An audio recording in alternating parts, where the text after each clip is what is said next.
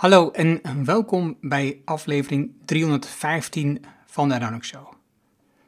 Waar je leert van ondernemers en ondernemende mensen die bijzondere resultaten bereiken, welke beslissingen ze genomen hebben om hier te komen, wat ze doen, de strategie en hoe ze klanten krijgen.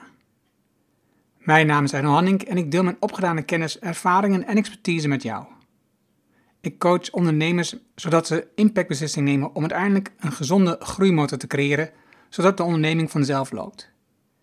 Hiervoor gebruik ik mijn ervaring met meer dan duizend klanten die met exact dezelfde uitdagingen zitten. Vandaag het gesprek met Charlotte Meindersma. Charlotte is al tien jaar ondernemer, jurist, spreker en auteur. Marketing is haar hobby. Ze maakt alles graag zo eenvoudig en gemakkelijk mogelijk en zoekt naar pragmatische oplossingen. Charlotte volg ik al lang en ik bewonder haar manier van werven van klanten via social media. In 2016 sprak ik met haar over klanten krijgen via Facebook en Twitter. Vandaag is het vooral Instagram, Twitter, YouTube en haar blog hoe ze klanten krijgt en veel in de media komt. Ze kreeg steeds meer opdrachten en zag een team bouwen als oplossing en dacht dat dit het echte ondernemen is. Een team van medewerkers. Totdat ze ontdekte dat manager niet haar ding was en voordat ze in een nieuwe burn-out kwam, besloot om weer alleen verder te gaan. Is ondernemen in je eentje wel echt ondernemen? Wat maakt je gelukkig en wanneer ben je succesvol als ondernemer? Zijn een paar van de vragen die ze stelt aan andere ondernemers en haar helpen in de zoektocht naar echt ondernemen. Haar nieuwste boek stuurde ze me gratis toe en was een mooie aanleiding en een goede achtergrond voor dit gesprek. Laten we beginnen. Welkom in de Erno Hamming Show. De podcast waarin je leert over de beslissingen om te groeien als ondernemer met je bedrijf. Luister naar de persoonlijke verhalen van succesvolle ondernemers en ondernemende mensen. Dan nu jouw business coach Erno Hamming. Welkom in een nieuwe podcast aflevering en ja, dit is de dame, die heb ik al eerder gesproken. Welkom Charlotte Meinsma. Dankjewel. Leuk om hier weer te zijn. Ja, het is, het is lang geleden. Ik ben ondertussen wel al een keer bij je geweest. We hadden net over jouw kantoor.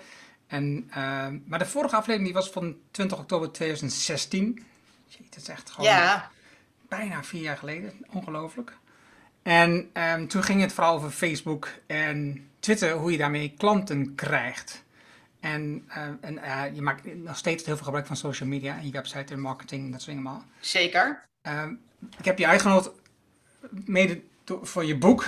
Eh, ik had je al langer op mijn agenda staan dat ik je wilde spreken. Maar ja, je boek is natuurlijk altijd weer een uitgelezen kans om te zeggen... hé, hey, het leuk, laten we daar een gesprek over hebben.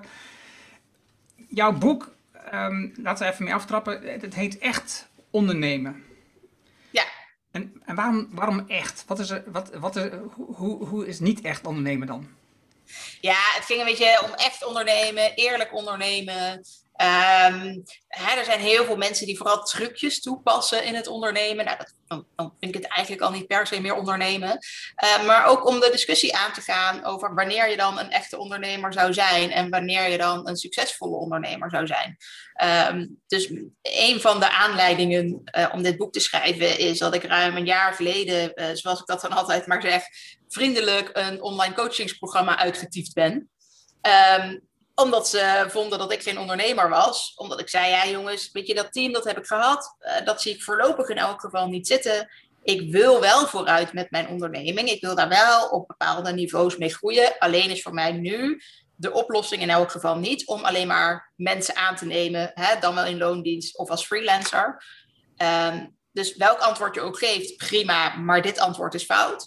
En toen was het ja, nee, maar kijk, als ondernemer, dan eh, daar ga je bepaalde fases door. En eh, dat is gewoon altijd. De volgende fase is eh, van professional naar manager. En dan van manager naar ondernemer. En uiteindelijk moet je per se doorgroeien tot die aandeelhouder die niks meer in zijn eigen bedrijf doet en alleen maar casht.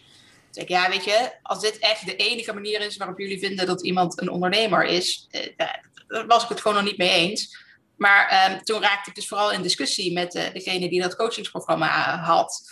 Eh, en die heeft toen, want er was natuurlijk zo'n eh, groep op Facebook die, dat daarbij hoorde. Toen hebben ze sowieso de discussie al gesloten.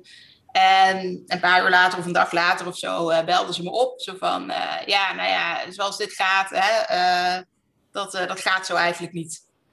Dus we willen je voorstellen dat je het programma verlaat en dat we dan je geld terugstorten. Ehm, dus dus hè, ze hebben het gepresenteerd zodat het nou ja, mijn keuze zou zijn. Eh, maar goed, het was wel duidelijk dat zij me gewoon niet meer moesten. Dus vandaar dat ik zeg, ze hebben me vriendelijk het programma uitgetiefd. Nee, en het grappige is wat natuurlijk in jouw gebruik sowieso opvalt altijd. Hè, dus dat je, ja, jouw, jouw woordkeuze is vaak vrij um, strak en direct. Weet je. Ik ben de vrouwelijke Gary V wat uh, taalgebruik betreft. de, ne de Nederlandse vrouwelijke Gary V. Wel alleen, maar, wel alleen maar als het over taalgebruik gaat hoor. Verder dan weer niet. Maar, ja. Nee, want die is, die, als je dan praat over echt ondernemer. Dat is echt dan is dat een echt ondernemer. Ja, ja. Goeie, goeie, goeie. Nee, maar uitgetiefd en kutjurist. En het is. Ja. Je taalgebruik, dat zijn woorden die ik niet introduce zou gebruiken. Dus ik ben veel te voorzichtig en, en, en bescheiden waarschijnlijk. Maar um, even terug naar um, wat je als eerste zei. Echt ondernemer, ondernemers die trucjes gebruiken. Maar wat voor trucjes denk jij dan aan? Um, nou ja, bijvoorbeeld allerlei marketingtrucjes, waarbij mensen eigenlijk gewoon niet zo eerlijk zijn over hun producten en diensten en over hun succes. Um, dat ze daarbij dus ook marketingsystemen gebruiken van ze denken, ja, uh, het komt uit Amerika en het werkt gewoon als een tierenlier. Dus dat ga ik ook inzetten. En dat snap ik dan best wel, maar dat het gewoon juridisch ook niet mag. Maar er zijn best een hoop mensen die dat dan gewoon niet zo heel veel kan schelen. Die gewoon zeggen, ja, maakt niet uit, het werkt toch? Dus dan moet ik het toch kunnen gebruiken. Uh, welk nadeel hebben mijn klanten er nou van? Want ze kiezen toch uiteindelijk zelf. Maar dan besef je heel vaak ook eigenlijk niet dat mensen niet alleen maar een rationele beslissing nemen. En dat je ze gewoon heel erg kunt beïnvloeden in hun keuze. En dat dat soms gewoon te ver gaat. Um, en, en gewoon mensen die ook echt, echt, echt oneerlijk zijn over uh, hè, wat ze kunnen leveren. En wat ze al geleverd hebben en hoeveel klanten ze dan al gehaald hebben, et cetera. Um, ja, dat, dat, daar sta ik gewoon niet voor. Ja, ik heb zelf ook wel een aantal programma's gezien van, van Nederlandse uh, business coaches. Om de term te gebruiken. Ja. Dat staat ook namelijk op mijn profiel, even duidelijk te zijn. Maar die hebben dus programma's en dat, zijn gewoon regelrecht kopieën uit, uh, van business coaches uit Amerika die dat ontwikkeld hebben. En het is toch bijzonder dat je, dat je erachter komt dat het programma wat ze hebben, dat het gewoon een kopie is. En niet dat je, dat dat gewoon niet zelf ontwikkeld is of niet zelf uh, ervaren is of doorleefd is of bedacht is. Maar gewoon iets wat ze hebben gezien of zelf hebben meegewerkt, uh, hebben doorlopen en, en op dat moment gewoon ja, zelf het programma kopiëren. Denk ik echt, dat is toch raar dat je dat uh, zo doet. Ja, dat is echt de coachingspyramide, zoals ik hem wel zou willen noemen. Daar heb ik het overigens niet over in mijn boek hoor. Daar kun je denk ik een heel apart boek over schrijven nog. Um, maar, maar dat is echt, mensen leren hoe je op, met, met, met diezelfde methode of diezelfde truc weer andere mensen business coaches kunt maken. Ja, weet je, A, ben je dan dus geen echte business coach wat mij betreft. Um, de vraag is in hoeverre je überhaupt een coach mag noemen als je alleen maar zegt en dit is het systeem en zo moet je het toepassen en daarmee klaar. Uh, dan, dan leer je misschien mensen wel iets, maar dat vind ik geen coaching in elk geval. Um, en omdat inderdaad alleen maar dat systeem is dat je de hele tijd doorgeeft. Dus je zegt ook tegen anderen, ja, wil je meer geld verdienen, dan moet je ook dit gaan doen. Terwijl volgens mij een goede business coach vooral zegt, oké, wat voor soort bedrijf heb je?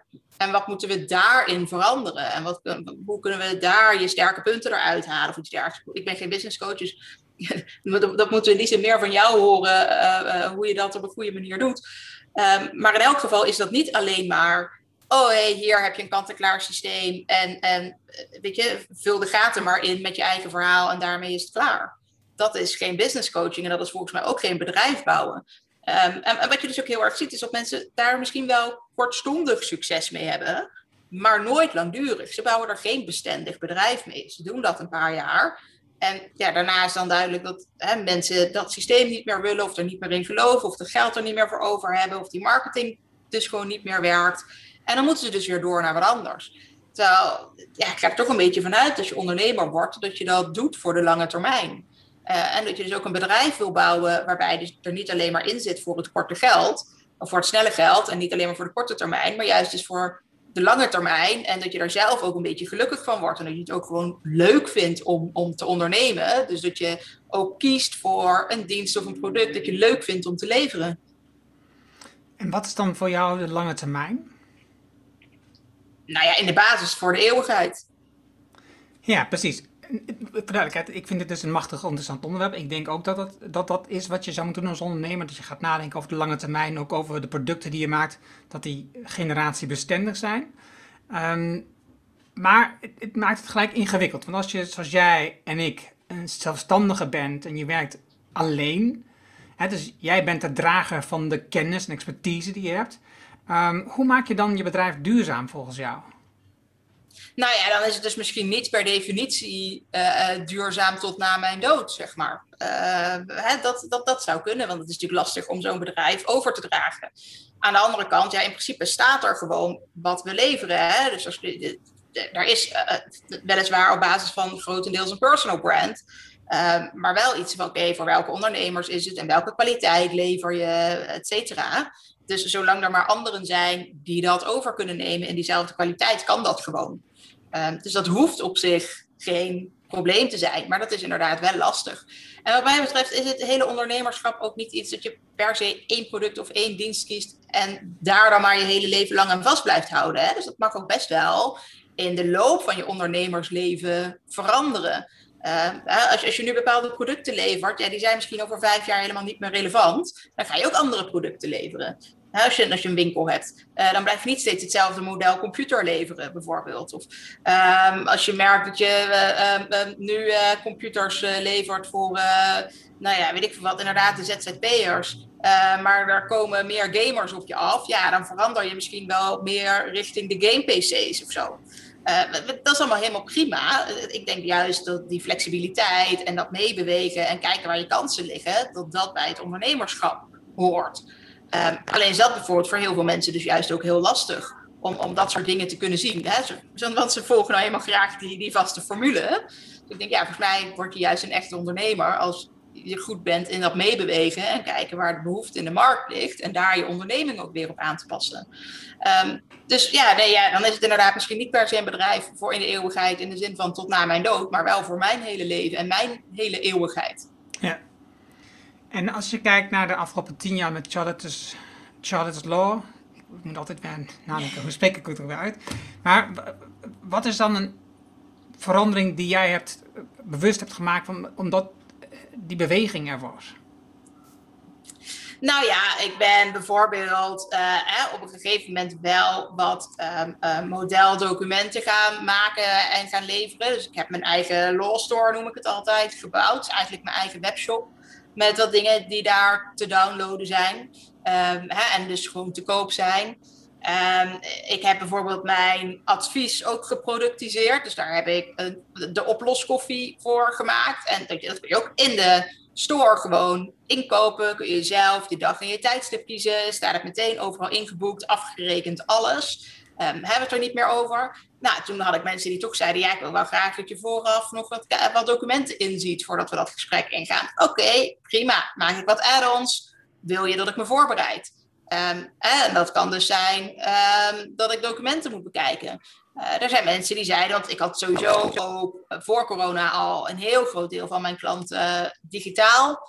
Die zeiden, ja, ik wil eigenlijk wel zo'n opname van dat gesprek. En dat gingen ze dan zelf doen, wat helemaal prima is. En ook ik zei, neem het vooral op. Maar dat vonden ze allemaal veel gedoe. Oké, extra dienst. Uh, ik kan het voor je opnemen en dan stuur ik het achteraf naar je toe. Nou, kijk een beetje hoeveel tijd kost me dat. Uh, heb ik dan misschien weer andere software nodig om het op te kunnen nemen? Wat kost dat me? Nou, wanneer heb ik, haal ik het er dan uit? Oké, bied ik dat aan.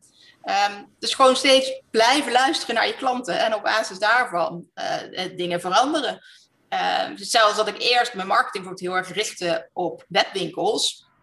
Van nou consumentenrecht en daar moet je veel over weten, et cetera. En ik had ook wel klanten uh, die, die een webwinkel hadden, maar die kwamen eigenlijk voornamelijk voor het merkenrecht en het auteursrecht en de privacy. En niet echt voor het specifieke consumentenrecht. Nou, oké, prima. Dus wat doe ik? Ik laat dat hele consumentenrecht varen. Ik richt me ook niet meer op de webwinkeliers. Daar trok ik namelijk ook veel te veel consumenten aan met vragen van... Ik heb iets besteld bij een webwinkel en ik wil het terugsturen, maar nu willen ze me 2 euro verzendkosten niet vergoeden. Ja, jongens, weet je, het, het, het kost voor mij al meer dan 2 euro om je vraag gratis te beantwoorden. Um, als je betaald wil, dan kost het ook meer. Nou ja, goed. Dus ik moest er ook voor zorgen dat ik dat soort mensen niet meer aantrok. Nou, dus nu heb ik het consumentenrecht, zit niet meer in mijn marketing, maar ik trek nog steeds dezelfde klanten daarmee aan. Dus het is eigenlijk gewoon heel goed kijken, heel goed luisteren en op basis daarvan aanpassingen maken. En dat, dat mag je dus ook best continu blijven doen. Ja, wat, wat ik mij herinner in ieder geval van tijd rondom de AVG, toen die ehm, heel actiever werd beleefd door mensen, omdat, omdat die deadline er was. Dan zag je bij jou ook een enorme toename rondom dat onderwerp in je video's en in je uh, dingen die je schreef. Dus ik kan me voorstellen dat je in die periode ook vrij veel producten verkocht rondom dat onderwerp. Ja, zeker. Nou, ik moet eerlijk zeggen dat ik um, zelf toen dacht, ja, daar moet ik wel eens over gaan bloggen, daar moet ik wel eens video's over maken. Uh, maar dat ik daar gewoon zelf niet per se zin in had. Maar daar kwam gewoon zoveel vraag naar. Ik dacht, oké, um, die blogposts moeten er wel komen en die video's moeten er wel komen. Dus toen ben ik dat gaan doen. Daarmee uh, nam ik natuurlijk ook heel veel gewoon vragen in de e-mail weg. Met, met mensen die dus relatief eenvoudige vragen hadden, die ik vrij eenvoudig kon beantwoorden. Um, dus dat, dat, ik dan gewoon een linkje kon sturen naar de juiste blogpost. Dan waren die mensen geholpen en, en mij scheelde het weer die hele e-mail tikken. Uh, en het leverde natuurlijk gewoon klanten op, want ja, die video's en die blogs zijn natuurlijk gewoon marketing, zo simpel is het ook. Uh, maar we hebben het echt uh, in het voorjaar van 2018 hebben we het reet druk gehad. En ik heb toen zelfs de fout gemaakt dat ik dacht, oh nee, maar op 25 mei 2018 kan ik prima ook gewoon aan het werk zijn. Dat had ik niet moeten doen. Ik heb daardoor echt drie media optredens gewoon vermist. Omdat ik wat aan klanten wilde opleveren die dag. Um, en, maar ja, er ook, ook media waren die dachten, ja, weet je, uh, wij willen jou vandaag interviewen, want het moet vandaag op tv. Ja, dat, dat, dat was even jammer, dat was even voor de inschatting. Maar, uh, Aldoende leer je. ja, ja, dus nu nooit meer op die datum, als er al zoveel aandacht voor is, um, dat niet meer doen. Maar het voorjaar van 2018 is dus ook mijn uh, uitspraak gekomen met, ja, een week niet in de media is een week niet geleefd. En dat heb ik nooit serieus bedoeld. Maar het was in 2018 gewoon zo dat media zo vaak naar mij toe kwamen, met name dus over de AVG, dat ik uh, zeker in het voorjaar soms dan twee keer per week uh, in de media kwam. Dus ik, ja, ik heb dat eigenlijk een beetje gekscherend zo gezegd. Uh, en toen aan het eind van de zomer dacht ik echt, maar volgens mij gaat dit nog lukken ook. nou ja, toen zat ik inderdaad uiteindelijk op, weet ik veel, 73 keer in de media of zo. Ongelooflijk. Want net had je ook weer een gesprek in de media. Ja, Editie NL. Dat zijn mijn vrienden. Die doen we een paar keer per jaar, Editie NL. Ja, dat is toch bijzonder dat je uh, zoveel A, expertise hebt, B, goed uh, bekend staat bij hun, dat ze jou regelmatig uitnodigen. Dat is natuurlijk veel mensen zouden willen, dat ze zo makkelijk in de media komen. En wat maar weinig mensen echt lukt. Um, als ik terugga naar, even nog weer aan het begin wat je had over het echt ondernemen. Toen had je het ook over, je, je zat in een business coach programma.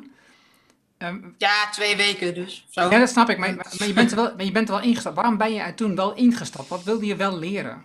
Nou, eigenlijk kwam het zo dat ik um, um, van deze business coach een boek had gelezen. En nou, dat kwam op mij juist wel nuchter en, en gedegen over. En toen dacht ik, ja, misschien toch wel interessant. En ik, ik, ik moet, of ik moet, ik wil gewoon wat anders wel met mijn onderneming.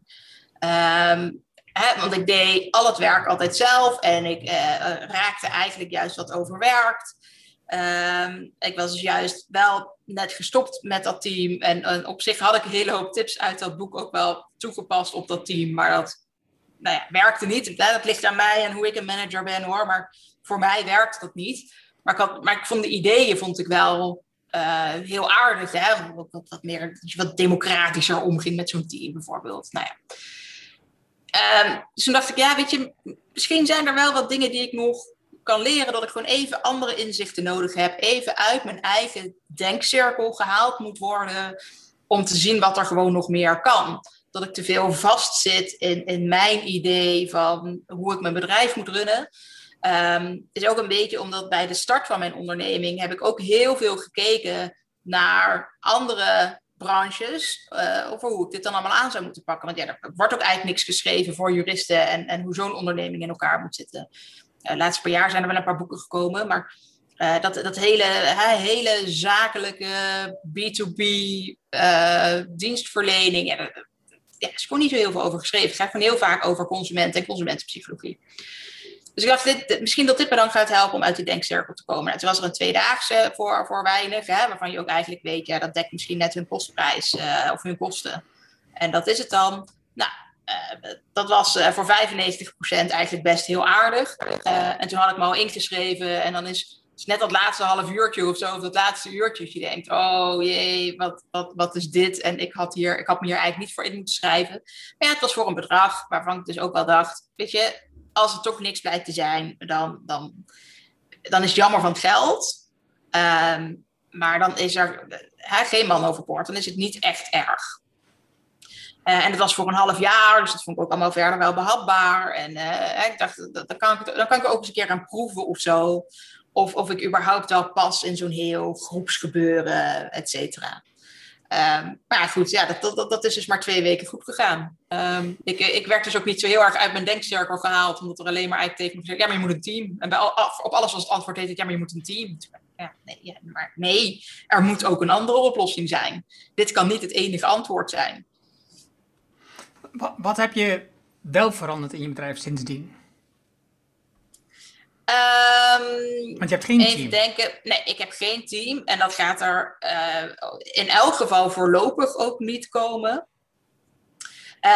Um, ik weet niet of ik per se heel erg veel veranderd heb. Ik ben wel allerlei dingen gewoon gaan verbeteren. Ik had bijvoorbeeld al uh, mijn Law Talks membership. Dus elke maand een masterclass op video over juridische zaken. Um, nou ja, die heb ik nu, ben ik nu aan het omzetten naar eigenlijk een wat ander membership, zodat het niet elke maand is, maar elke twee maanden de video masterclass. En dan tussendoor gewoon wel nog juridisch inhoudelijke artikelen, um, maar die ik weet niet allemaal gratis op mijn site weg zou kunnen gaan geven, omdat ik dan heel veel tijd bezig zou zijn met het schrijven van die artikelen en er geen tijd meer overblijft om geld te verdienen, terwijl het wel echt goede, nuttige informatie is waar mensen ook zelfstandig mee verder kunnen. Dus dacht ik, oké, prima. Dan, dan doen we daar eigenlijk een beetje het krantenmodel mee. Daar heb je gewoon een abonnement voor nodig en dan krijg je die informatie ook. Um, dus, dat, hè, dus ik heb dat membership gewoon omgegooid met, oké, in plaats van alleen maar video masterclasses, gewoon ook meer content in de vorm van artikelen, kortere video's, kortere podcasts. Um, en dus met alsnog wel een online community daarbij, zodat we daar ook met elkaar in gesprek kunnen. Zodat als mensen nog vragen hebben, uh, ze die ook daar aan mij kwijt kunnen. Um, en je op die manier alsnog uh, vragen aan mij kunt stellen. Want onder mijn normale blogpost heb ik bijvoorbeeld ook uh, de reacties al uitstaan een paar jaar. Omdat ik vooral allemaal mensen kreeg die op die manier gratis advies wilden. Nou, dat gaat niet. Maar mensen hebben daar dus wel behoefte aan. Oké, prima. Dan kan dat dus nu wel uh, in dat membership. Dus op die manier ben ik wel dingen aan het veranderen. Want je hebt een membership gratis en betaald. Ja, de community uh, is deels ook gratis, inderdaad. Um, maar daar zit dan van mij niet per se heel veel juridische informatie in. Uh, en dan kun je inderdaad één stap verder, uh, zodat je eigenlijk alleen maar toegang krijgt tot die artikelen en, en eventueel wat kortere video's. dat noem ik dan de leestafel. En daarna kun je nog naar een niveau waarbij je dus inderdaad echt ook die masterclasses krijgt en toegang tot Q&A's en Um, echt meer dat contact met mij, waarbij je ook mee mag beslissen wat de nieuwe onderwerpen zijn voor de komende periode, et cetera.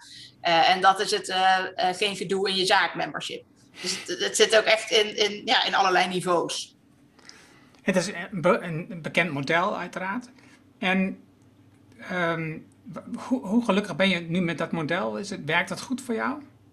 Nou ja, dat, uh, dat het echt dus in dat geen gezeik in je zaak, zeg maar, zoals ik hem nu in die stappen, zoals ik net zei, uh, dat, dat is er echt nu net, zeg maar. Dus okay. dat gaat ook uh, van september, vanaf september pas open voor nieuwe leden. Okay. De oude leden zijn op drie personen na zo wel allemaal gebleven. Um, dus dat vond ik op zich al wel een heel positief bericht. Uh, dus dat, dat moet ik nog mee gaan maken. Kijk, het is iets wat in de juridische wereld verder niet bestaat. Ik, ik ben weer eens de eerste jurist die dit gaat uitproberen en dit gaat doen. Um, dus ja, het is een bekend model, maar nee, niet in de juridische branche. Ja. En, en he, kun je een tipje geven hoeveel, hoeveel leden je ongeveer hebt? Uh, uit mijn hoofd geloof ik iets van 24 of zo. Oké. Okay. Ja, nee, ja, dus het zijn er niet veel. Nee, ja, um, dat hoeft ook natuurlijk niet. Maar ik herinner mijn eigen model wat ik toen ook had. Het was ook iets vergelijkbaars. Ik had default, eigenlijk had ik dat ehm, geleend van. ehm, oh, die copywriter uit ehm, Nieuw-Zeeland. Ik ben even zijn naam kwijt. Nou, ik ben naam kwijt van hem. In ieder geval, eh, eh, daar, nou, ik genoot van, van zijn gesprekken in, in, in die online community. Ben later ben ik lid geworden van zo'n Amerikaanse, of Australische ehm, coach die ook op het online marketing, maar vooral op online content en shops bouwen zat. En, ehm, en die had ook zo'n model. Ik dacht, ja, dat, dat ga ik ook gewoon doen. En dat was Mhm. 2010 of zo, denk ik. Weet ik veel. Oh ja, Ergens ja. daar zo. En dat had ik toen Default genoemd. En toen had ik zo'n ambitie, omdat die mensen hadden al heel veel leden. Van oké, ik wil gewoon 100 leden hebben. Uiteindelijk, had, uiteindelijk had ik 40 leden en was ik gewoon niet tevreden. Ja. Nou ja, weet je, ehm, ehm, laat ik het zo, als ik, als ik dus op deze 25 blijf hangen en ik zou echt elke maand die video's gaan maken, dan ehm, haal ik net mijn tijd eruit, ehm, maar zit er ook geen cent meer in. Ehm, terwijl me dat gewoon wel dus heel veel tijd kostte en in die zin ook best een hoop stress. Eh, dus dat is ook waarom ik het wel om ben gaan gooien. Omdat ik het schrijven van een artikel, als ik nu denk, oh, en dit is in het nieuws en hier moet iedereen wat over weten, dan tik ik nu dat artikel voor je. Dus ben jij een member, dan krijg je ook nu dat artikel en kun je daar zelf ook nu mee aan de slag. Eh, dus ik, het is A voor mezelf prettiger, maar B is het eigenlijk veel waardevoller voor al mijn members, omdat ze veel meer actuele kennis en informatie krijgen en niet, nou ja, eigenlijk steeds een maand moeten wachten op iets nieuws. Ja. Eh, en omdat soms ook de onderwerpen eigenlijk te klein zijn voor een volledige masterclass, maar prima zouden werken in zo'n artikel of in een podcast. Dus eh, eh, ja, kijk, het liefst heb ik er ook 100. Ehm, maar als ik er 50 heb, ben ik toch eigenlijk ook al wel heel erg blij. En Ja. met 40 zou ik er ook heel blij zijn. ja. Ja, ik weet ook niet zo goed waarom ik niet tevreden ben. Ik heb hem dus ook gewoon gesloten omdat ik gewoon niet tevreden was. Dat Ja. ongelooflijk. Maar Maar ja, dat is het wel hoor, denk ik. Dat, als we, dat we soms ook wel eens te hoge doelen voor onszelf stellen.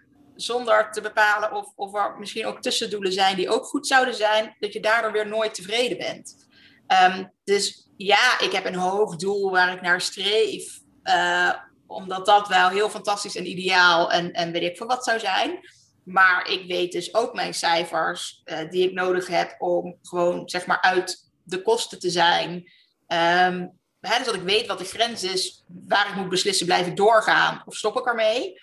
Ehm, en, en dan is eigenlijk alles daartussenin is, is gewoon oké. Is misschien niet ideaal en misschien, weet je, daar hoeft dan misschien geen champagnefles voor open. Ehm, maar misschien dat we dan wel eh, een Jip en Janneke eh, appelsap met bubbels mogen drinken, zeg maar. En dat ik, en dat ik niet op droog brood hoef te leven, dat idee. nou, dat hoef je toch al niet, dat scheelt. maar in je, in je boek heb je ook een hoofdstuk dat gaat over businessmodellen. Hè? Ja, En, en dat is natuurlijk wat je doet. Je maakt allerlei verschillende soorten producten, ehm, waardoor je heel erg. ehm, nou, je hebt, je, hebt, je hebt verschillende vormen gekozen voor je bedrijf om inkomsten mee te genereren. Je hebt net al oploskoffie bijvoorbeeld al genoemd, waarbij je gewoon een product kunt afnemen, eigenlijk een dienst kunt afnemen wat een product is. Je hebt natuurlijk nog je klanten. Je hebt nu een klantenstop, je hebt je vaste klant waar je voor werkt. Ja. Ehm, en zo heb je een aantal dingen die je doet die geld opleveren. En, en ja, dit maakt gewoon, eh, het, het zorgt voor heel veel stabiliteit en, en, en duurzaamheid. Wat je, wat je net al aan het begin al zei. Dat is ook wat je Ja. zoekt. Eh, Dat, ik denk ook dat dat ondernemerschap is. Ja, en dat is dus wel ook een beetje de, de, eh, de zoektocht, zou je misschien kunnen zeggen, die ik wel gehad heb voor dit boek. Hè, ik had natuurlijk wel een eigen idee bij wat ik vond dat, dat ondernemerschap was. Ja, in, hè, mijn eentje heb ik ook de wijsheid niet in pacht. Ehm, dus eh, ook een beetje met het idee, omdat ik zelf nu eh, tien jaar ondernemer ben, althans tien jaar voor Charlottesville. Ehm, en eigenlijk al twaalf en een half jaar, want ik stond al tweeënhalf jaar eerder ingeschreven, maar als fotograaf. Oké, ik ga andere mensen interviewen voor dit boek die ook ongeveer tien jaar aan het ondernemen zijn. We weten uit alle cijfers, na vijf jaar zijn er gewoon heel veel bedrijven die ermee stoppen. Het lastige is alleen wel dat sommige van die bedrijven eenmanszaken zijn die overgaan in een BV. Maar goed, zoveel BV's hebben we in Nederland nou ook weer niet. Ehm, dus, dus eigenlijk weten we dat heel veel mensen die vijfjaarsgrens al niet halen. Dus als je tien jaar ondernemer bent, dan, dan heb je het spelletje kennelijk wel door. Dan, dan kun je iets dan doe je ergens iets wel goed. Ehm, maar ik dacht, ja, ik wil dus echt verschillende soorten ondernemers hebben, die ook allemaal een ander soort bedrijf hebben. En uh, daar wil ik het gesprek mee aan. En dus vragen wanneer zij dan vinden dat je een echte ondernemer bent, of wanneer je succesvol bent, en wat dan hun successen waren, uh, wat hun drempels waren, of waar ze misschien een keer gefaald hebben of iets dergelijks. Juist ook om aan mensen te laten zien, ja kijk, er is niet maar één soort ondernemer. Je kunt echt op je eigen manier ondernemen. Um, wat ondernemerschap is, daar kun je dus ook verschillend over denken. Alhoewel dus wel bijna iedereen um, terugkomt op ja, ergens aan bouwen en ergens mee bezig zijn. En de een vindt dan het belangrijker dat het vooral ook innovatief is en vernieuwend, uh, et cetera. Uh, de ander zegt meer, ja nee, het is ook belangrijk dat je juist blijft groeien. Uh, anderen zeggen juist meer ja, nee, het gaat er juist om dat het, dat het stabiel is en dat je wat toevoegt aan de wereld. Nou ja, dus iedereen heeft daar wel net iets ander perspectief op. Maar dat komt allemaal nog wel redelijk bij elkaar in de buurt. Als je aan mensen vraagt uh, wanneer je bedrijf dan succesvol is, dan lopen die antwoorden opeens extreem uiteen. Want dan zijn er sommigen die echt gaan voor dat geld. Uh, er zijn er een aantal waarvan je verwacht dat ze voor het geld gaan, die dan zeggen: ja, nee, ja, succes ja, dat is misschien wel hetzelfde als geluk. Misschien is dat wel iets wat je met elkaar kunt uitwisselen, maar ja, toch ook weer niet echt. Um, hè, dat mensen zeggen van nee, ja, mijn bedrijf is gewoon succesvol als ik daarmee dus een aantal gezinnen kan onderhouden. Nou, zo heeft iedereen daar echt wel weer zijn eigen definitie voor. En dat vind ik eigenlijk wel heel mooi om te zien. Want ook ja, wanneer je succesvol bent, is denk ik onderdeel van de definitie van wanneer je dan een echte ondernemer bent. Ja, ik, ik moet denken aan de, aan de uitspraak van Pieter van Os, die, eh, die zegt van uh, dus, uh, um, groeien tot je eigen potentieel. En daar heeft hij een voorbeeld uh, van, dus als je een bonsaiboompje in je hebt, dan kun je wel een eikel worden, maar dat, is, dat, dat word je gewoon niet. Hè? Dus je kunt beter nee. ervoor gaan dat je zo'n mooie bonsai, mooie bonsaiboompje wordt, en, en, die is veel kleiner. Hè? Dus zoals jij en ik, en, hè? dus gewoon je werkt ja. alleen. En that's it. En daar kun je, daar kun je enorm veel mee realiseren. Um, maar je hebt het gewoon niet in je om een eigen te worden. En dat is, en dat is prima. Dat is ook ondernemen. Dat is ja. gewoon een duidelijke keuze. Die heb je dan zelf gemaakt. Of, of, of ervaren dat het, dat, dat het beter is voor jou. Ja. Um, ja, misschien is het wel ervaren. Dat je tot, tot de conclusie komt dat het andere gewoon echt niks is voor jou. Ja, daarom weet ik ook niet of het per se zit in potentieel. Want ik denk dat er best een hoop mensen zijn die... Um, uh, best een groter bedrijf in de zin van hè, met meer freelancers of medewerkers of whatever zouden kunnen bouwen. En dus ook met een hogere omzet en uh, in een groter kantoorpand. En weet ik veel, dat je dat wel zou kunnen. Maar dat je dat meer gewoon niet wil, omdat dat ook allerlei consequenties heeft. Wat is, wat is voor jou de belangrijkste consequentie om te stoppen? Het is van een groot bedrijf om te stoppen met het bouwen van een groter bedrijf? Nou ja, ik, ik ben gewoon geen manager. Dus um, van het managen van mensen die ik ofwel in loondienst zou hebben, of die freelancers zijn en die je dus toch uh, nou, nog tot op zekere hoogte moet, moet, moet begeleiden in hun werk. Um, dat zit niet in mij. Daar word ik doodongelukkig van, gestrest. Um, weet ik veel. Dat, dat uitte zich uiteindelijk bij mij ook echt lichamelijk in, in, in, in een extreem slechte huid bijvoorbeeld. Uh, ja, dat was heel pijnlijk, werd dat gewoon letterlijk. Uh, dus dat was gewoon echt, echt niet goed. Um, dus ik, ik moet deels denk ik ook het uitvoerende werk kunnen blijven doen, om, omdat ik dat leuk vind. Um, en ik zou dus alleen maar een team kunnen hebben als ik daar echt de allerbeste mensen voor heb. Die veel eigen verantwoordelijkheid nemen en, en aankunnen. Um, en, en die enerzijds uh, voldoende eigenzinnig zijn, maar anderzijds ook begrijpen dat het niet hun eigen bedrijf is. En dat ze zich dus deels hè, op bepaalde punten misschien ook een beetje moeten, moeten aanpassen aan wat bijvoorbeeld de stijl van het bedrijf is. Ja, je moet nou eenmaal wel met één hè, stijl naar buiten treden. Um, en ik zou daar echt iemand tussen moeten hebben zitten die continu vragen van, van medewerkers kan beantwoorden. Uh, en, en, mensen op die manier kan steunen. En die ervoor zorgt dat, weet je, de vaatwasser gewoon uitgeruimd wordt. En dat als we daar een afspraak over gemaakt hebben wie dat dan doet, dat ofwel die persoon dat doet, of dat er gewoon geregeld wordt dat iemand dat doet. Maar dat dan niet ik weer degene ben die daar ofwel iemand op aan moet spreken, of die dat zelf gaat staan te doen. Um, dus dat het, het echte, het, het rijlen en het zeilen van de medewerkers, daar zou ik echt iemand anders voor moeten hebben. Um, en, want dat is, ja, ik werd daar dus echt, echt doodongelukkig van. Ja, in je boek las ik ook een paar keer uit die gesprekken die je hebt gedaan, die interviews met die andere ondernemers, dat een paar van die ondernemers ook dat hetzelfde gevoel hebben als jou en ook daarom dus een manager hebben tussen gezet. Omdat ook zij vonden dat ze geen goede manager waren, meer een leider. Ja. Um, nou ja, daar kun je over discussiëren of, uh, hoe dat dan in elkaar zit. Maar dus daar, in ieder geval wat ze deden was dus een manager ertussen zetten. Dus uh, dat ze die ruimte voor zichzelf hadden gecreëerd om dat, om dat werk ook niet te doen. Ja. Zo, ik, ik, ik vind het wel bijzonder dat je gelijk een manager tussen zet. Want ik denk juist dat in die eerste fase, als je groeit, um, dat er juist veel van ondernemers zou moeten komen. En dat dat een deel van je kwaliteit is wat je moet ontwikkelen. En dan in de volgende fase pas een manager ertussen zou kunnen zetten.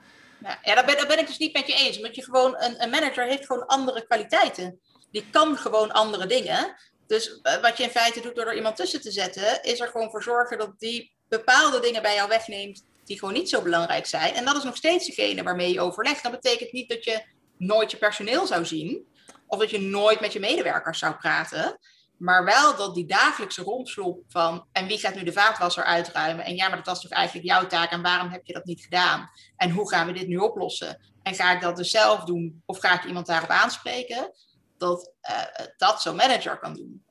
Um, hè, dus dat je als ondernemer tenminste ook echt bezig kan zijn met het ondernemen zelf. En dus niet met hoe werkt nou één specifieke medewerker. Dus dat, dat, ja, dat, is ook een beetje wat je terugziet in juist ook al die um, um, interviews. Dat sommigen ook echt zeggen van ja, nee, ik vond het vrij makkelijk om, om aan goed personeel te komen. Uh, want, want, want ik kan dit gewoon ook allemaal wel goed. En dat anderen ook zeggen, nou, ik heb nu wel een heel prettig team. Maar ja, daar zitten ook wel eens uh, uh, mensen, hebben daar ook wel eens tussen gezeten waar het niet goed mee samenging en waar we afscheid van hebben moeten nemen. Of, of in het begin ging het allemaal niet goed. Um, dus dat, dat, dat hangt er gewoon ook echt van af of je zelf iemand bent die nou eenmaal goed is in het managen van zo'n team of niet.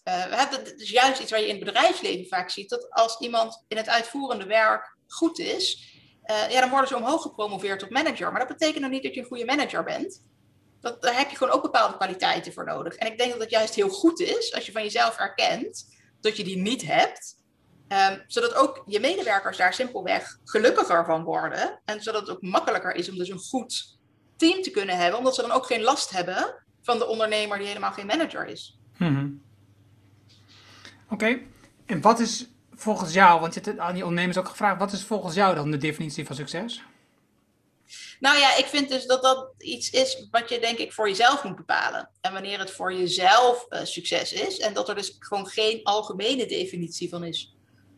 En wat, dus, is, jouw, en wat is jouw definitie dan? Ja, voor, voor, voor mij, voor mijn ja. bedrijf, is dat vooral een bedrijf waarin ik uh, zelf voldoende geld verdien, zodat ik in elk geval geen geldstress heb.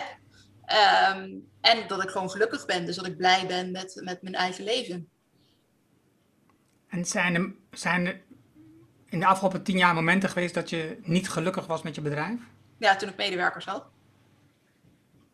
Ik had continu het gevoel dat ik verantwoording af moest leggen aan mijn medewerkers. Dat ik continu moest vertellen waarom ik ergens wel of niet was. Um, mijn, mijn schoonzusje overleed. En dat wilden we uh, op het laatste moment wilden zij toch nog uh, met elkaar trouwen. Dat hadden ze altijd, mijn broer en mijn, en mijn. Die hadden dat altijd uit willen stellen totdat zij eigenlijk, nou ja, weer voldoende energie zou hebben, minimaal. Hè? Of, of, of beter zou zijn, of, of weet ik veel wat. Dus van ja, ik wil niet ziek trouwen. Maar ja, het, op een gegeven moment was duidelijk, ja, ze zou komen te overlijden en dat zou ook gewoon de volgende dag kunnen zijn. Dus ik heb in acht uur tijd heb ik um, die bruiloft uh, opgetuigd. En ook het administratieve deel daarvan. Uh, en nou ja, met andere vrienden die uh, praktische zaken hadden geregeld. Met, met, met een jurk en nou ja, dat soort dingen allemaal. Um, en toen had ik gewoon een medewerker die dat eigenlijk wel vervelend vond dat ik daardoor die dag niet op kantoor was. En dan zit je dus de dagen daarna weet je, het is, het, die dagen daarna zijn heftig. Nou, ze overleed een paar weken later. Dat is dan ook heftig. En dan is het niet zo van, ja, nee, je had hier moeten zijn. Maar het wordt wel vervelend gevonden dat iemand daardoor alleen op kantoor zit. En dat je er dan niet bent en niet bereikbaar bent. Ik denk, ja, sorry jongens, maar dit, dit, laten we niet doen alsof dit elke maand gebeurt. Nee. Um, dus dat zijn echt wel momenten waarop ik dan heel ongelukkig ben. En dat, ik, hè, dat je eigenlijk um, je meer weer een, een, medewerker voelt ergens die op een bepaald tijdstip wel binnen moet zijn. Um, en, en daar eigenlijk altijd, altijd ook langer aanwezig moet zijn dan de medewerkers. Uh, ja, nee, ja dat, dat, dat, dat, was hem gewoon niet. En je kunt ze wel vertellen dat je ook op andere momenten aan het werk bent, of ook in het weekend aan het werk bent. Of uh, als iemand ziek is, dat je dat, je dat dan uh, overneemt, omdat, omdat de rest het niet opvangt. Um, maar dat gevoel hebben ze er niet bij. Ook, ik, had mensen die, die uh, vroegen om, uh, om, om, om salarisverhoging en uh, nou ja, allemaal dat soort dingen. En ik zei, ja, het is goed, dan moeten we meer omzet maken. Als we meer omzet hebben, dan kun je salarisverhoging krijgen. En zo simpel is het. En daar was in tijd ook echt wel ruimte voor om dat te doen. Maar het gebeurde niet.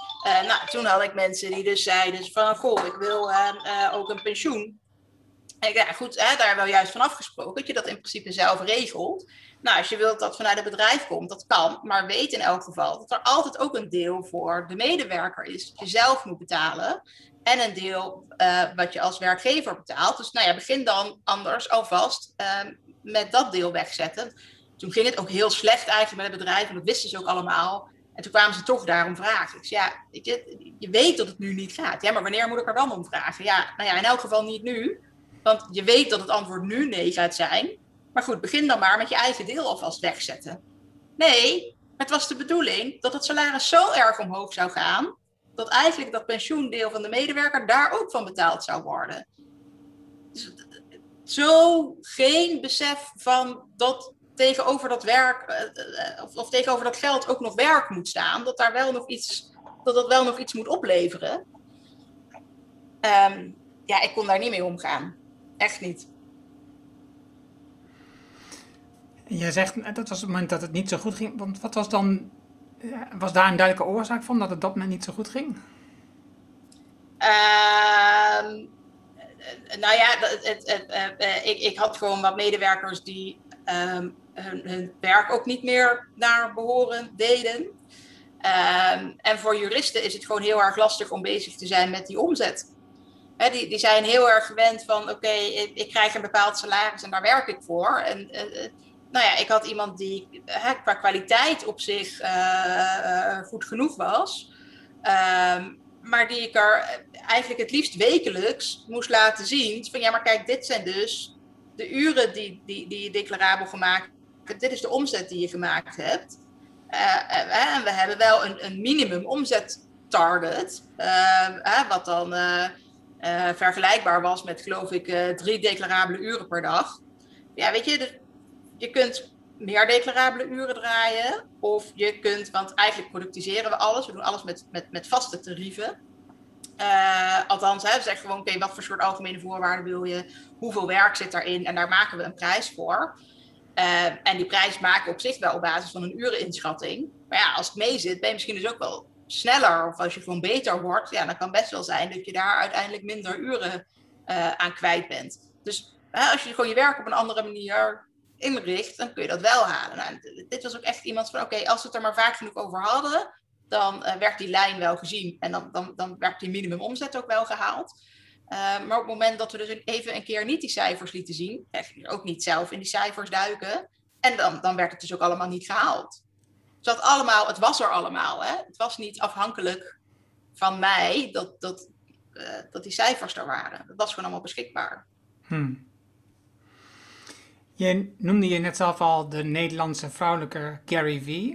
Ja, op taalgebruik. Op taalgebruik. Verder niet. Nou, met, met social media, um, ben, je, ben je beïnvloed door hem toen je begon met het gebruik van social media? Nee. Okay. Nee, want ik denk dat ik um, hem eigenlijk pas, nou, wat zal het zijn? Misschien een jaar of vier geleden of zo leren kennen. Ik heb, uh, ik heb ook alleen maar zijn boek uh, Crushing It gelezen. Maar toen was dat boek in elk geval ook al wel een jaar oud of zo. Dus dat. Uh, en verder, verder heb ik uiteindelijk niks van hem gelezen. Dus, dus nee, nee, want ik deed het dus allemaal al. Dat, ja. was, dat, dat is eigenlijk uh, allemaal meer voortgekomen uit het boek Guerrilla Marketing van Jay Levinson. Man is inmiddels overleden. Het boek is al hartstikke oud. werd aangeraden door mijn schoonvader destijds. Want die was van beroep ook marketeer. zei, joh Lot, lees dit maar. En dat ging dus eigenlijk ook deed het over hè, consumenten en hoe bereik je consumenten. En wat voor mij is heel erg was blijven hangen, was jij je moet samplen. En ik dacht van, ja, samplen, ja, fijn of zo. Maar hoe ga ik dat doen met kennis?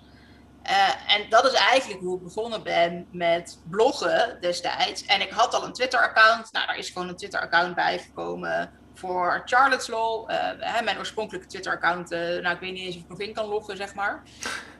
Um, maar daar, daar, doe ik al, daar doe ik dus ook eigenlijk al tien jaar niks mee. Maar ik had dus een beetje een netwerk al opgebouwd via Twitter. Dus het was logisch dat ik daar actief bleef. Nou ja, ik hing al wel zo'n beetje op Facebook rond. Ja, ach, dan maak je ook een Facebookpagina aan. Nou ja, inmiddels doe ik helemaal niks meer met Facebook. Um, maar dus zo is dat dan een, beetje gegroeid. Zoals uh, Instagram, ja, daar ben ik eigenlijk aan begonnen, omdat het toen een foto-app was.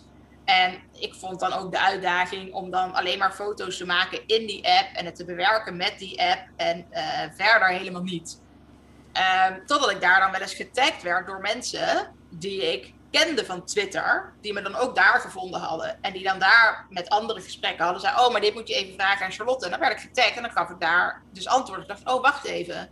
Kennelijk kan Instagram voor mij ook een marketingkanaal zijn.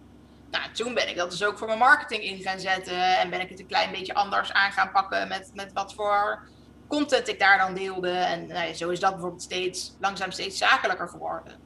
Um, en LinkedIn heb ik dan altijd weer een beetje haat-liefde verhouding mee gehad. Dus dat, daar ben ik eigenlijk pas, nou ja, het laatste uh, jaar of zo een beetje wat, wat actiever.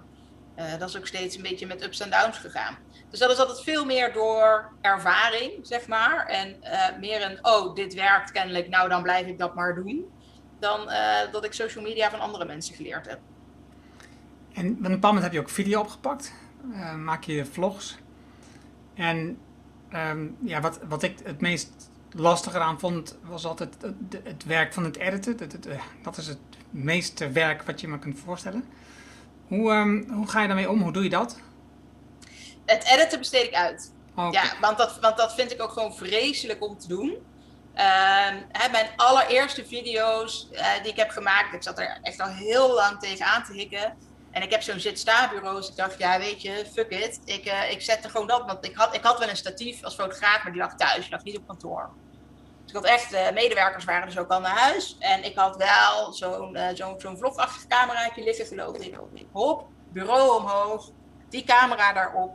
Dus nee, de hoek was niet goed, het licht was niet goed, het geluid was niet goed. Maar ik dacht, ik neem dit op. Ik knip alleen het begin en het eind eraf, hè, een beetje clean cut. En dat is wat ik online gooi. Misschien op mijn allereerste video ook wel op die manier online is gegaan. Toen zei mijn eh, destijds nog vriend van... joh, maar daar kan best even dan introotje, outrootje achter. Dat doe ik dan wel. Um, omdat ik dus zei, ja, weet je, maar dat, ga ik gewoon allemaal niet doen. Ik wil mezelf niet zien. Weet je, ik, ik knip gewoon dat begin en dat eind, dan is het goed. En dat knalde ik online. Um, en toen was jij bijvoorbeeld een van de eerste die daarop reageerde en, en heel lief kwam met allerlei tips van wat er dan allemaal nog beter kon. En bijvoorbeeld die camerapositie en bijvoorbeeld dat geluid en bijvoorbeeld het licht, et cetera.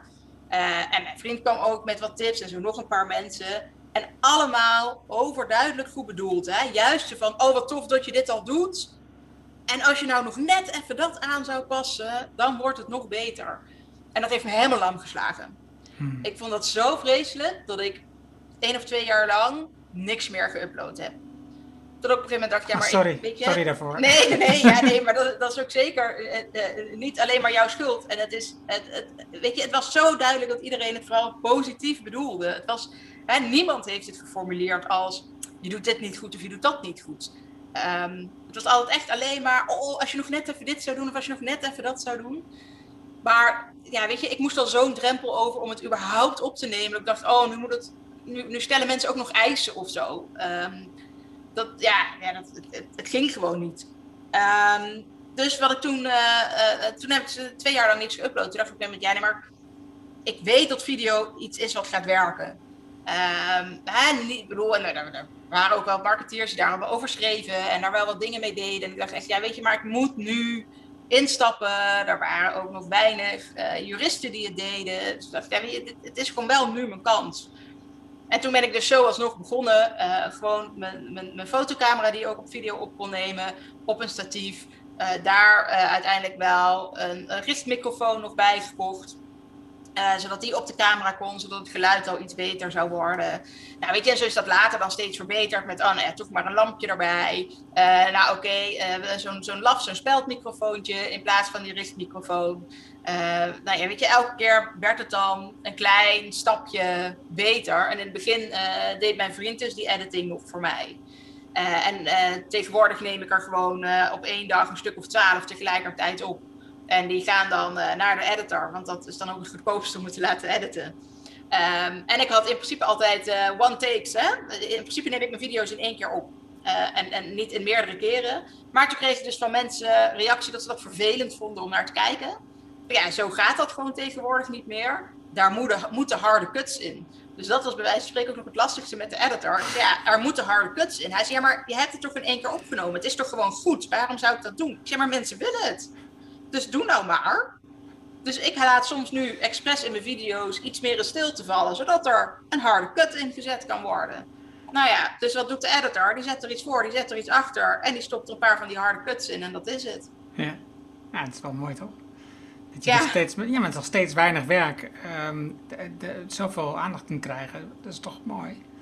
Ja. En, en met weinig werk, dat, dat, dat, dat zeg ik niet goed. Ik bedoel, eh, dus het, het, kost, het is veel tijd, het kost veel werk, maar je, je hebt het wel tot een minimum uh, teruggebracht wat jij ja. moet stoppen. Dat is slim. Ja. Um, ja, je boek is in ieder geval, um, vind ik een mooie mix van, of ondernemer, hè, over uh, wat, je, wat, wat, wat slim zou zijn als ondernemer zonder sterrenstof. Ja. Ik had overigens uh, de hele week daarna nog uh, sterretjes in mijn, in mijn, in mijn uh, kantoor liggen. Heel goed, heel goed. Word er maar aan herinnerd.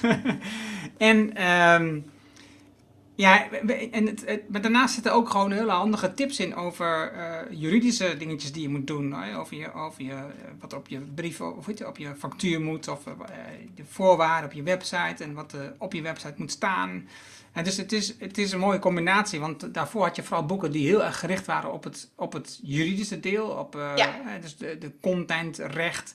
En, het is, en dat is vrij droge stof. En dit is een heel fijn, um, ja, fijne stof om te lezen. Plus um, goede tips om na te denken over, klopt het ook allemaal? En een van de dingen um, waar, wat ik een interessant onderwerp vind, is waar jij natuurlijk veel verstand van hebt, is het merk. De registratie van je merk. Wat, wat is nou. Ik ga een vraag stellen die je al in het boek hebt beantwoord, ja? ja, dat is prima hoor. Ja. Wat is nou het moment waarop je je merk moet registreren? 13 weken voordat er inbreuk wordt gemaakt. Maar dat weet je natuurlijk niet. Nee, maar dat weet je, heel veel mensen stellen natuurlijk deze vraag.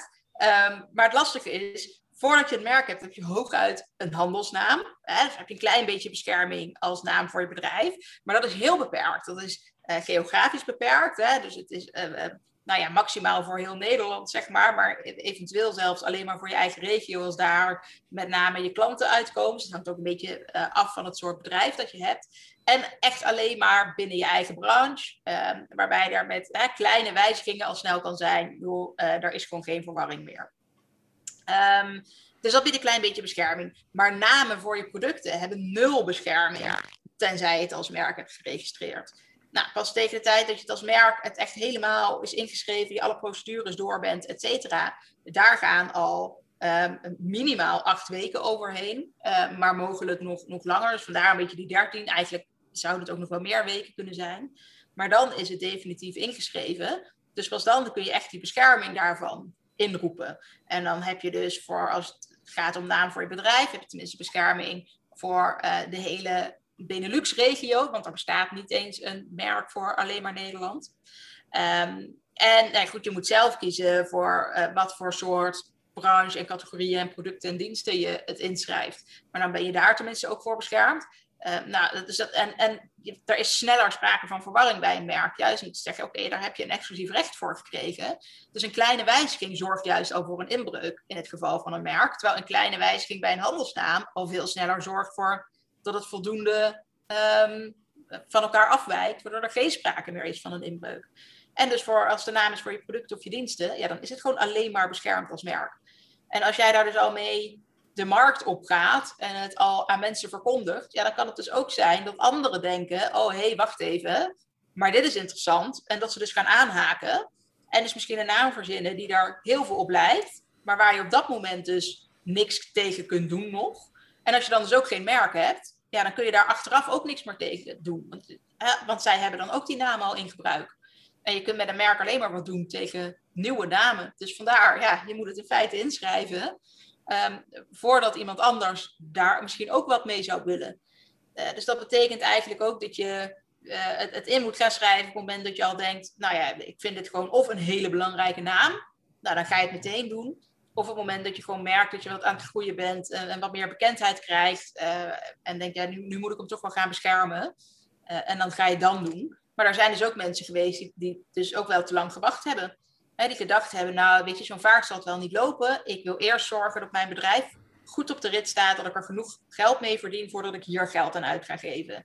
En gewoon gezegd hebben, ik, ik wil nu investeren in, in, mijn voorraad, in marketing, et cetera. En nog niet hierin, want ja, het, het is toch uh, 1000 euro, zeg maar. Um, afhankelijk van hoe je inschrijft, maar hè, laten we dat even als, uh, als bedrag nemen. Dus ik kan me ook best wel voorstellen dat zeker als je nog een kleine ondernemer bent, dat je dan denkt, ja, wow, weet je, 1000 euro uh, vind ik gewoon smak geld. Dat wil ik nog niet doen. Maar als je dus te lang wacht en iemand anders verzint vervolgens iets wat er al te veel blijkt, ja, dan ben je gewoon te laat. Ja, dan had je die 1000 euro beter eerder uit kunnen geven.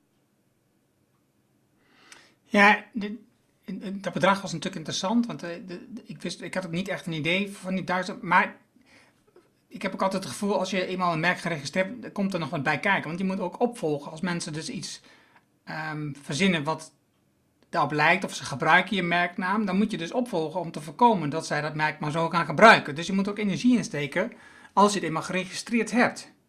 Ja, maar als je dus sowieso al niet erg vindt dat anderen jouw naam gaan gebruiken en je dat sowieso geen probleem vindt, ja, dan hoef je er ook geen merk voor te registreren. Nee, dat snap ik. Maar uh, uh, mij heeft het wel meerdere keer weerhouden om een registratie te doen, omdat ik dus opzag tegen het feit dat je moet gaan opvolgen.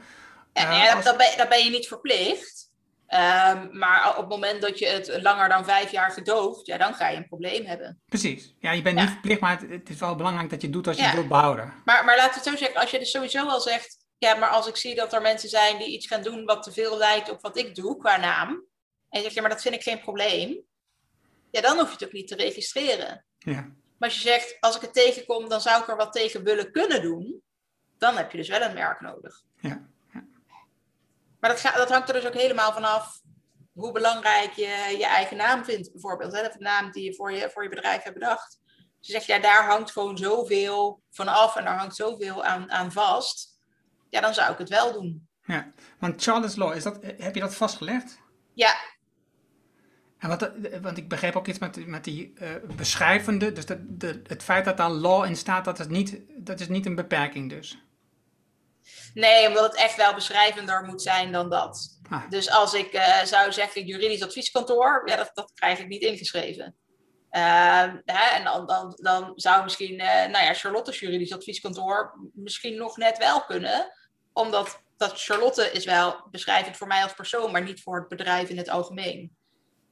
Dus dat is dan wel anders dan een ander advieskantoor. En kan ik mijn eigen naam ook registreren? Ja, kan. Wat is voor jou um, in de fase waar je nu bent, voor duidelijkheid, het meest belangrijke hoofdstuk uit je eigen boek? Voor, voor de video. Dit is um, ja. Um, nou ja, wat, wat voor mij in elk geval bijvoorbeeld afgelopen jaar wel belangrijk is geweest, was, was denk ik wel het hoofdstuk succes. Hè, dat ik ook wel een beetje het gevoel had dat ik uh, zonder team dus misschien wel aan het falen was. Dat als, als ik dus niet de ambitie had om, om per se groot te groeien met veel personeel, dat je dan kennelijk een slechte ondernemer bent. Um, en dat, dat, daar, daar lag ik gewoon de hele tijd over in conclave. Een soort van, ja, maar dat vind ik zelf niet. Maar als dat kennelijk is hoe de maatschappij daar naar kijkt, um, ja, dan moet ik daar toch wat mee of zo. Um, dus, dus voor mij was dat in die zin ook wel heel prettig bij die interviews om te merken dat, dat mensen daar zo verschillend over kunnen denken. Heb, heb, je, heb je het nu naast je neer kunnen leggen, mede dat je, mede dat je het hebt opgeschreven? Ehm, ja, en dan denk ik dat het niet, misschien nog niet eens per se komt door het opschrijven, maar wel door al die interviews. Hmm. Ja, want ik, ik herinner me ook, ik postte uh, twee weken terug of zo een bericht op LinkedIn. Iets, die vergelijkbare strekkingen. Dus, dus uh, dat was een gesprek die ik ooit had in de auto toen we naar Berlijn, van Berlijn terugkwamen met een aantal ondernemers. En iemand begreep gewoon niet dat ik geen ambitie had, omdat ik dus um, in zijn optiek niet voldoende tijd stak in mijn bedrijf en ook tijd vrij maakte voor mijn gezin. En, ja, maar dat kan ook je ambitie zijn. Ja, dus voor mij, voor mij ik, begreep, ik begreep het ook niet. Ik begreep gewoon niet het, het idee uh, dat, dat, die, dat succes altijd dezelfde ambitie zou moeten zijn. Altijd, nee, altijd, altijd, ambitie moet zijn, uh, uh, met name veel geld verdienen, hè, dus veel winst maken. Dat dat de enige ambitie is die dan uh, succes uitstraalt met je bedrijf. Dat, uh, volgens mij ja, was dat niet zo. Maar ik, ik had er ook moeite mee dat, ja. dat de, de wereld zo denkt en ik zelf als een van de weinigen een andere inzicht ja. had. Ja, en kennelijk, en kennelijk moet het ook ten koste gaan van wat anders of zo altijd. Hè? Dus, dus je moet per se carrière en je moet per se ambitie. En als je dan vraagt, ja, maar waarom dan? Ja, nee, maar dat moet. Er is niemand die je uit kan leggen waarom jij per se een ton of een miljoen of meerdere miljoenen per jaar zou moeten verdienen. Of waarom je per se heel veel aanzien zou moeten hebben en in die zin uh, een carrière zou moeten hebben of, of uh, whatever. Dat je per se dus inderdaad elke week in de media zou moeten komen of, of, of zoiets dergelijks. daarom staat bijvoorbeeld daar ook in van, van Marianne Zwagerman, um, een webshop is geen of een webwinkel is geen carrière. dat is ook alweer tien jaar geleden of zo dat ze, dat ze dat boekje heeft geschreven. En dan is er ook zo'n interview bij, uh, ik geloof, Paul en Witteman. En dan zegt ze, ja, nee, maar dan heb je van die moeders van die witte leggings. En die staan dan zo op het schoolplein. En, en nou, ja, en dan een webshopje. En uh, ja, nee, ja, ze had zelf dan uh, een bedrijf. Ja, dat zette dan een miljoen om. Ja, vond ze eigenlijk ook geen carrière. Ja, dat was eigenlijk allemaal nog helemaal niks. Maar, maar waarom dan? Want je hebt medewerkers in dienst. Je kunt er zelf dus prima van leven. Wat is hier nou zo erg mis mee? Waarom is het soms gewoon niet genoeg um, uh, dat je hè, dus inderdaad die baan voor jezelf hebt gecreëerd en in die zin de maatschappij dus niet tot last bent. Waarom moet je nou per se dus zeggen, de omzet moet hoog zijn, je aanzien moet hoog zijn, je moet super bekend zijn, whatever. Waarom is dat het doel? Niemand die je dat uit kan leggen. Terwijl bijna iedereen wel zegt, ja, maar ik, ik heb nog een familieleven of vrienden of weet ik veel, en, en, en daar wil ik ook nog wat mee. Als je nu kijkt naar de mensen die uh, zeker een beetje van mijn generatie en de generatie na mij, bijvoorbeeld rechten gestudeerd hebben, uh, een heel groot deel denkt in eerste instantie, ik wil op de Zuidas gaan werken. Ja, waarom? Vanwege dat hele suits-achtige idee. Hè? Hard werken, veel geld verdienen, fantastisch leven. En eigenlijk weten ze wel dat ze veel uren moeten draaien, maar ze willen niet het gevoel hebben dat ze veel uren moeten draaien. Dus op het moment dat ze daar zijn en dat, dat ze dan merken dat als je ook nog naar de sportschool wil en ook nog zelf je eten wil koken en ook nog je vrienden wil zien en niet alleen maar met je collega's een biertje wil drinken, dat dat gewoon eigenlijk niet haalbaar is door de week. Dan zeggen ze ja, nee, maar dit is niet wat ik wilde. Ik wilde namelijk het fantastische leven en ik wil alles hebben. En dat blijkt dan opeens niet te kunnen. Ja, nee, ja, goed. Dus die kiezen dan opeens ook voor, oh ja, dan maar niet per se het allermeeste geld dat ik kan hebben. En dan ook niet het allerminste, maar misschien dan maar ietsje minder en iets meer vrije tijd en iets meer mijn, mijn, mijn vrienden en familie zien en iets meer tijd voor mezelf. Zodat ik wel nog naar een festival kan in de zomer, als dat zou kunnen. Um, dus, dus je merkt ook dat, mensen in het algemeen daar op zich ook wel anders over zijn gaan denken. Uh, en wat ik dus ook wel aardig vond, uh, zijn, zijn, in die zin uh, uit het boek twee interviews. en Jos Schovaart die zegt, ja maar weet je, is het niet gewoon voldoende dat ik allerlei mensen hier in dienst heb en dat ik zorg dat zij dus een inkomen hebben. En dat zij dus allemaal gezinnen kunnen onderhouden. En is dat niet al voldoende impact dan met dit bedrijf? Waarom moet het allemaal nog groter en nog meer en nog maatschappelijker verantwoord? Terwijl we in Nederland ook gewoon banentekorten en zo uh, uh, hebben, vaak genoeg. En, en nu heb ik voor deze mensen gewoon een goede baan, waar ze nog blij van worden ook. Want ze werken bij mij al langer dan ze voor, voor andere bazen hebben gedaan. Uh, dus wat is daar nou mis mee? Uh, en uh, Tanja van Kaya Sieraden, die zei, ja, weet je, we gingen naar het buitenland voor het werk van mijn man. Ja, ik ging echt niet stilzitten, maar ik was eigenlijk ook wel blij dat ik het corporate leven kon verlaten.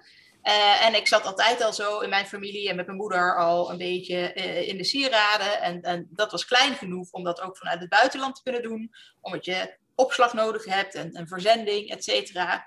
En die heeft daar ook gewoon een miljoenenbedrijf mee gebouwd. Dus hoezo een webshop is geen carrière? Terwijl wat zij maakt gewoon nog steeds gepersonaliseerd werk is. En het wordt nog steeds pas gemaakt nadat het is besteld. Um, en daar heeft hij natuurlijk inderdaad inmiddels een team voor en weet ik veel wat. Maar je denkt, ja, weet je, soms begin je misschien klein, maar dat kan allemaal heel groot worden. En, en, waarom is het nou zo afhankelijk van wat dus een ander hier nou van vindt? En, en, eh, want, want, ja, nou ja, nogmaals, die anderen kunnen ook helemaal niet uitleggen waarom je veel ambitie moet hebben, of waarom je een carrière moet hebben, of waarom je veel geld moet hebben. Dan is het enige antwoord eigenlijk alleen maar ja, omdat je dan een carrière hebt en omdat je dan geld hebt. Uh, nou, het verhaal van de visser dat ik ook uh, uitleg in, uh, ja. in het boek. Ja. Nou ja, ik, ik denk dat het, wat je ook beschreef, is, het heeft veel met te maken dat we wel de voorkant zien en daarna uitkijken. Dus je zei net al, bijvoorbeeld met, met die juristen met, met suits. Um, dus we zien de voorkant, maar we weten niet wat mensen moeten laten om dit te realiseren. We hebben niet, we hebben niet gezien en ervaren wat zij hebben moeten investeren en, en, en, niet hebben kunnen doen in hun leven om hier te komen. We willen alleen maar dat laatste stukje. Maar ja, zo, zo, zo gaat het gewoon niet. Je, nee. Dus als je dat stukje wilt, dan moet je de rest ook nemen. Is dat dan wat je werkelijk wilt? Nou, de meeste mensen zeggen dan, nee, dat wil ik niet. Ja, Nee. dan, dan moet je dat andere ook maar afscheid van nemen. Dat is niet wat je gaat realiseren dan. Precies. En dan is dus de vraag, ben je dan echt pas gelukkiger als je zoveel geld zou hebben en zoveel ambitie zou hebben? Of ben je dus eerder gelukkig? Ja, de, de, de, de praktijk wijst uit dat je eerder gelukkig bent. Ja, precies. Kijk, en als een vent heel graag niet bij zijn gezin wil zijn, dan moet hij misschien heel erg veel ambitie hebben en vooral heel hard werken en zorgen dat hij heel veel weg is. Of vrouw. Uh, of vrouw, zeker.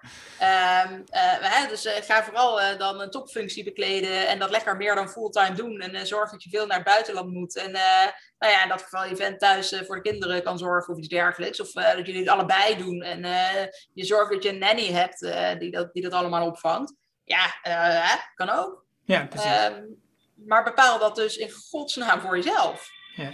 ja, en dat is natuurlijk wel het ingewikkelde in het in dit, en je had het in het begin al even over om naar terug te komen, het eerlijke ondernemen. Het is natuurlijk toch een beeld waar je mee te maken krijgt, wat, wat, waarin je gemanipuleerd wordt in je denken. Hè? Dus, dus, Ja. dus door onze omgeving, door de video, de social media, worden gemanipuleerd in ons denken op wat de normaal is. Hè? Dus, dus Instagram, je krijgt allemaal fantastische plaatjes van mensen te zien hoe ze eruit zien. Nou, dat is alleen maar op dat moment. Hè? Dus dat is die Ja. mooie foto op de vakantie die je ziet. Dat is alleen dat moment. Alle andere dingen die ze meemaken, die shit op die vakantie, die zie je niet. Nee. Wil je ook niet eens zien. Nee. Maar en dat- je ziet ook niet dat ze twee uur bezig zijn geweest voor die Nee. ene foto. Nee, maar dat, maar dat is wel wat er gebeurt. En dus, dus het is goed om te ervaren, zoals jij en ik ook doen, als je praat over echt ondernemen, is dat je ook de shit ehm, weet. En denkt, oh ja, dit is, dit is toch niet voor mij. En dit is de weg die ik zoek.